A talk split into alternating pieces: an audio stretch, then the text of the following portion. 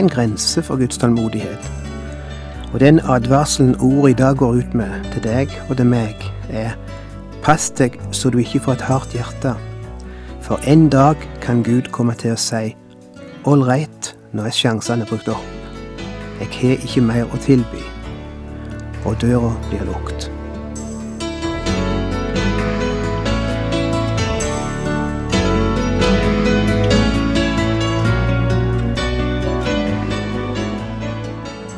Hjertelig velkommen til et nytt program i serien Vindu mot livet.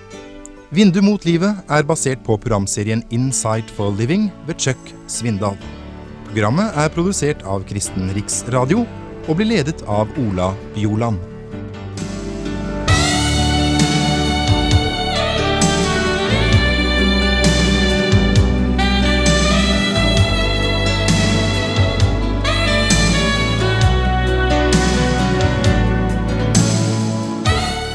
Vi holder på med kapittel tre i Hebreabrevet, og skal i dag begynne med å lese fra vers sju. Derfor, som Den hellige ånd sier, i dag, om dere hører Hans røst, så forherd ikke deres hjerter, som den gang deres fedre trosset meg, den dagen de utfordret meg i ørkenen. De utfordret meg og satte meg på prøve, enda de i 40 år hadde sett de gjerninger jeg gjorde.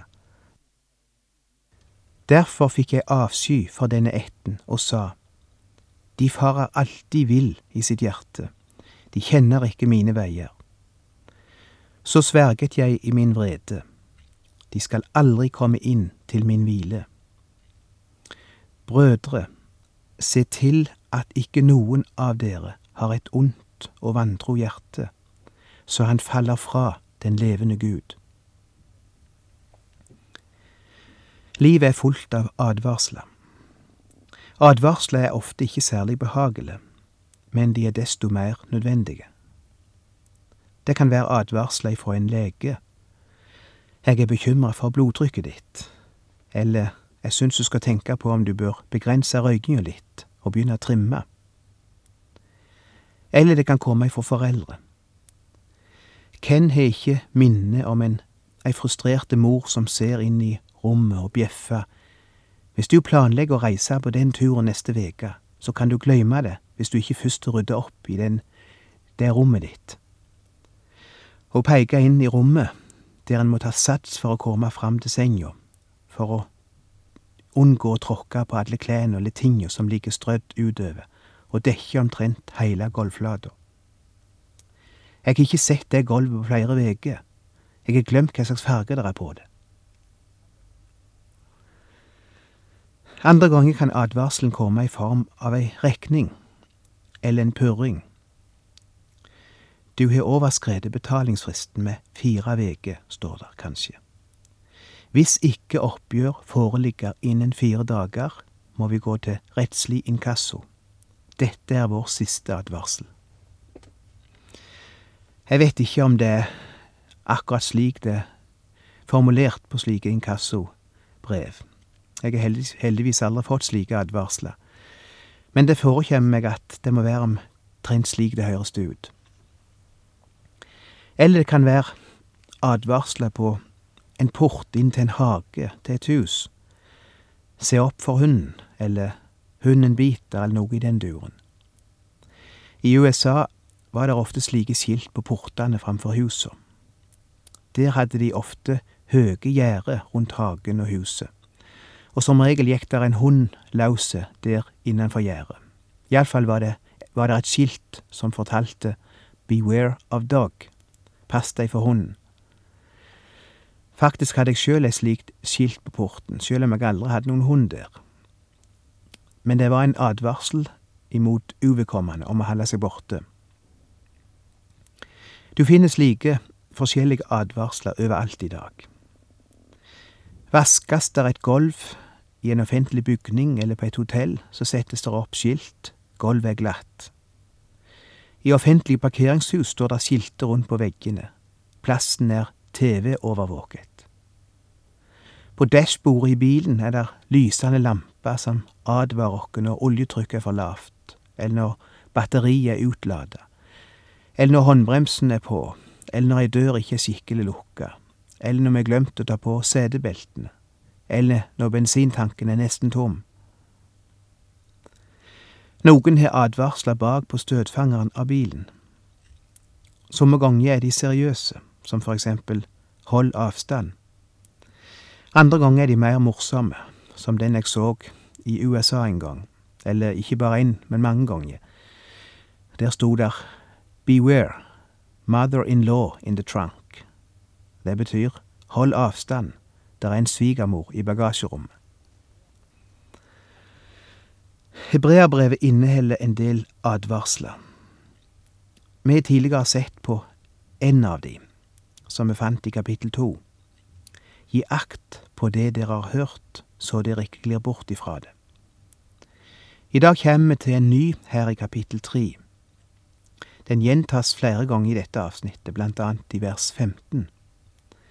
I dag, om dere hører Hans røst, så forherd ikke deres hjerter.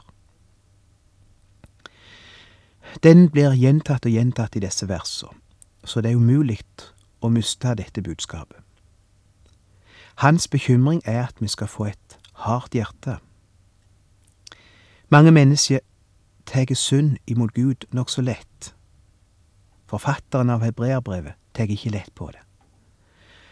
Og hvis du syns dette er sterkt, så skal du bare vente til vi kommer lenger ut i hebreerbrevet. Da begynner det virkelig å bli sterkt. En mann gikk en dag til kyrkja en søndags formiddag. Kona hans vart værende heime denne søndagen.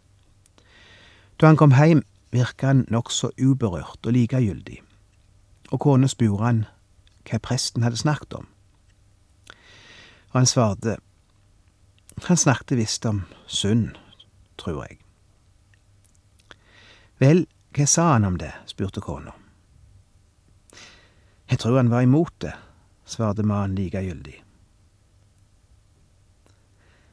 Jeg vet ikke om det var mannen det var noe galt med i dette tilfellet, eller om det var den presten som hadde talt. Det kan like godt ha vært det siste, for ofte gjesper vi oss gjennom gudstjenesten og talen. Det kan være gode tanker og fine formuleringer, men det tar ofte ikke tak i oss. Når du leser Hebreabrevet, trenger du ikke være i tvil om taleren er for eller imot det han snakker om. Det spruter av engasjement og nidkjærhet når han advarer imot synd, og i dette tilfellet imot et hardt hjerte. La oss grave litt dypere i disse versene. Som jeg har sagt før, er hebreerbrevet skrevet til hebreere, vil si jøder, i det første århundret. Og da er det naturlig å underbygge sitt budskap med å henvise til Det gamle testamentet, det som var jødene sin bibel. Og det blir gjort her, både for å underbygge budskapet og for å illustrere budskapet med kjente eksempel fra Det gamle testamentet, som var jødenes egen historie, og som de kunne utenat. I vers 7-11 siterer han ifra en av salmene, Salme 95. Bakgrunnen for denne salme, salmen er to andre plasser i Det gamle sementet. Det er andre Mosebok 17 og tre Mosebok 13. La oss først se på andre Mosebok. Israelsfolket er under ledelse av Moses. Flotte type. Den vennlige, trofaste, pålitelige Moses. De er kommet seg ut av farao sine klør og er nå ute i ørken. Og du var kanskje ikke klar over det, men strekningen ifra muren rundt Ramses til grensen av Kanan tok ca. elleve dager hvis du ikke gikk omveien. Elleve dagers vandring skulle egentlig turen tatt. Og det tok de 40 år. Det tok de 40 år å komme ifra Egypt til Kanan, en strekning som normalt skulle tatt elleve dager. De gikk i ring. Og hele historien om israelsfolkets vandring i ørken er historien om et folk som hadde mista veien. Et folk som hadde fått øynene sine grodd innover imot seg sjøl, i plassen for framover og oppover. Og gang på gang når Gud setter de på prøve der i ørkenen for å hjelpe de og modne de, så feiler de prøven, De dumpa fordi de kun var opptatt av seg sjøl og ville gå sin egen vei. De vart harde i sine hjerter, som det står her. Og til slutt sa Gud, nå er det nok. Det skal ikke få komme inn i det landet jeg hadde planlagt for dere. Og i kapittel 17 finner vi en av disse testene som Gud sendte. Vi leser ifra vers 1. Så brøt hele israelsfolket opp fra sin, ørk, fra sin ørkenen og drog dagreise etter dagreise, som Herren bød dem. Siden slo de leir i Refidim. Men der fantes det ikke vann, så folk kunne få drikke. Jeg tror nok vi må innrømme at vi har liten peiling på hva det vil si å være i en ørken uten å ha vann, eller hva det vil si å være virkelig tyste, fysisk tyste. De færreste av oss har opplevd det. Det nærmeste jeg er kommet virkelig tørst, var en gang jeg lå på sykehus. Jeg hadde nettopp fjernet mandlene og hadde feber hele dagen etter operasjonen, og jeg var fryktelig tyst. Problemet var at jeg hadde så vondt i halsen. Det var fremdeles et åpent sår der, så jeg klarte ikke svelge. Og jeg husker jeg lå i time etter time og tenkte kun på én ting, nemlig vann. Det var så vondt å svelge at jeg måtte liksom ta sats de gangene jeg måtte svelge. Og det var som de skulle stukke kniver i halsen min. Så vondt var det. Og jeg lå hele denne dagen og tenkte bare på vann. Det er det eneste jeg kan huske etter operasjonen. Og det er veldig lenge siden. Og jeg var ikke så gammel da. Men akkurat det husker jeg. Seinere har jeg aldri opplevd hva virkelig tørst er for noe men for hebreeren som vandra i ei gloheide ørken, var det ikke et ukjent problem, dette med tørst. Og her oppstår problemet igjen. De slår leir en plass som heter Refidim, og det første de gjør, er å begynne å leide etter vann, men de finner ikke vann. Og de begynner å klage. De anklager Moses, og de anklager Gud. Og på den ene sida bebreider jeg de ikke for det. For du og jeg har ikke mye peiling på hva det vil si å være tyst i en ørken. Men på den annen side så undres jeg på at de så snart har glemt alt Gud har gjort for de før. I over 400 år har han vært med de som folk, utført under et under for de, hjulpet de, berga de, svart på deres bønner. Og det siste de har opplevd, er den utrolige utfrielsen ifra Egypt, der han bokstavelig talt har strekt sine armer ut og revet de ut av undertrykkerne sine hender på en veldig dramatisk måte. De kan ikke ha glemt dette så kort tid etterpå. Sjølsagt har de ikke glemt det. De har sunget om det, de har snakket om det, de har begynt å skrive sanger og salmer om det. De har fortalt det om igjen og om igjen til sine barn. Men nå, når de står overfor et nytt problem, så er det som alt er glemt.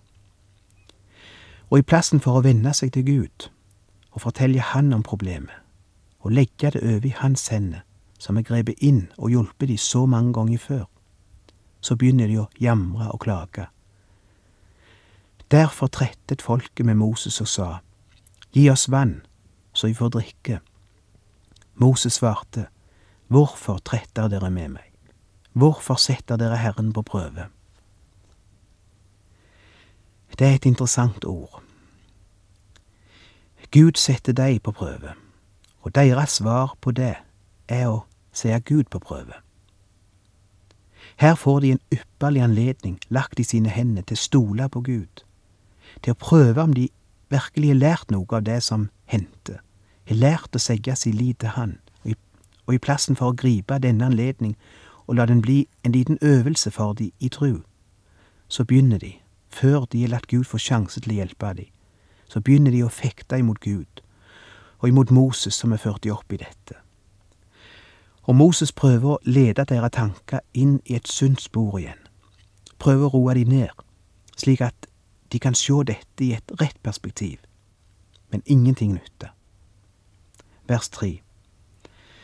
Men folket tørstet etter vann De murret mot Moses og sa, Hvorfor har du ført oss opp fra Egypt?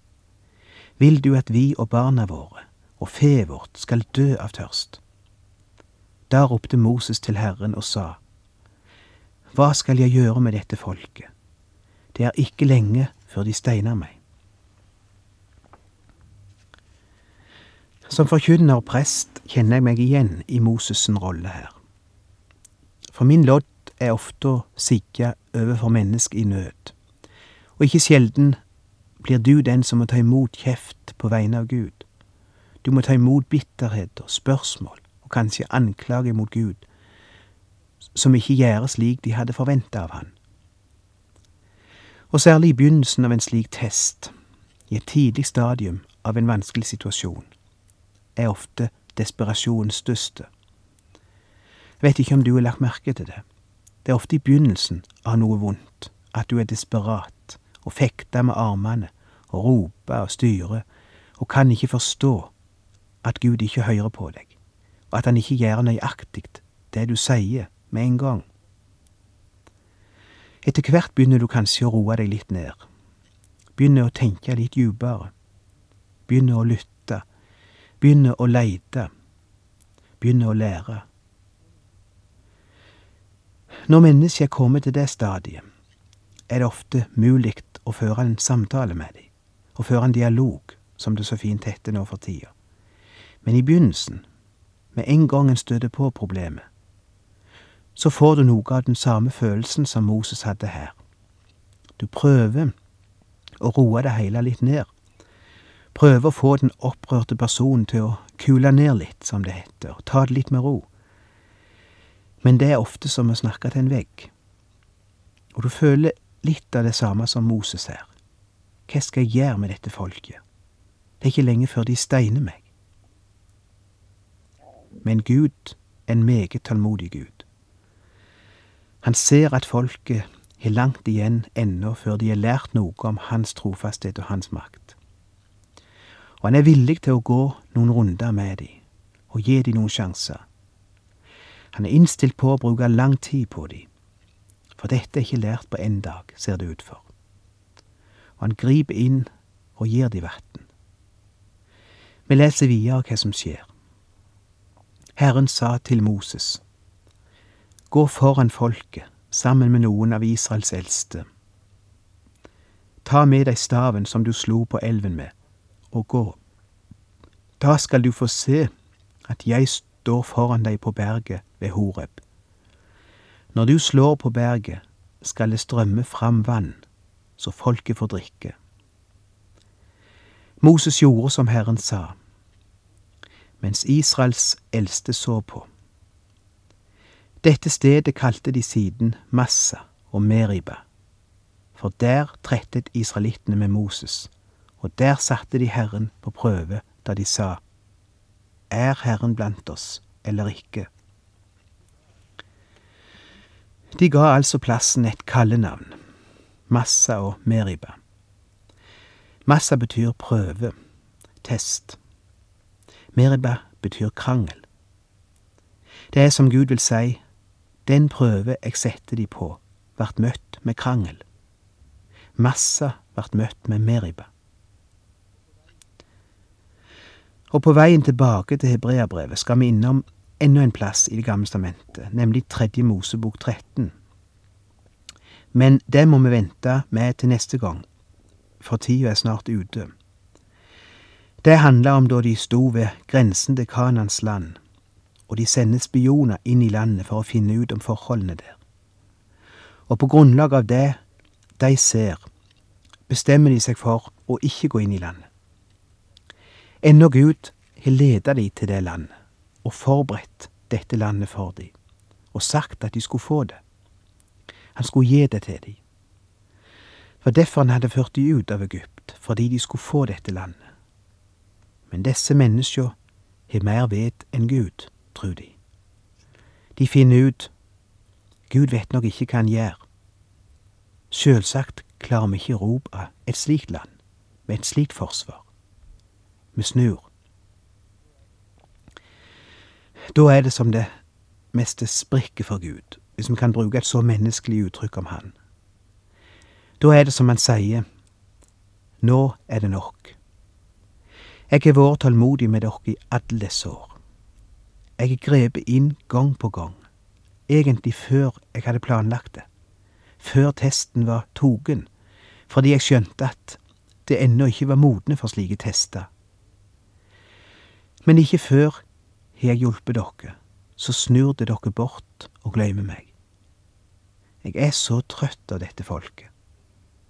Og nå, jeg har lovt dere et land som flyter av melk og honning, så setter det dere egen snusfornuft over min visdom, og stemmer og voterer for å gjøre det motsatte av det jeg har sagt til dere. Nå gidder jeg ikke mer. Vil det ikke ha det landet jeg ville gi dere, så skal det slippe det. De skal aldri få det. De skal aldri få komme inn i det. Og Moses må på sine kne igjen og tigge Gud om ikke å gå ifra sitt løfte. Og Gud går ikke ifra det, men han sier, denne generasjonen skal ikke få komme inn i landet. De skal vandre i ring i ørkenen, til hver mann og hver kvinne er død, før jeg lar neste generasjon få det landet jeg hadde lovt dette folket. For nå er min tålmodighet brukt opp. Det er ei grense for Guds tålmodighet, visste du det? Det er ei grense for hvor lenge Gud vil sjå på at et menneske får sjanse på sjanse på sjanse. Og i plassen for at hjertet skulle bli mjukere, blir det hardere. Og den advarselen ordet i dag går ut med til deg og til meg, er pass deg så du ikke får et hardt hjerte. For en dag kan Gud komme til å si right, nå er sjansene brukt opp. Jeg har ikke mer å tilby. Og døra blir lukket. Og du får ingen nye sjanser mer. Og du blir utestengt ifra det landet Gud hadde tenkt òg du skulle få del i. Derfor sier han, i dag, om du hører hans røst, så forherd ikke ditt hjerte.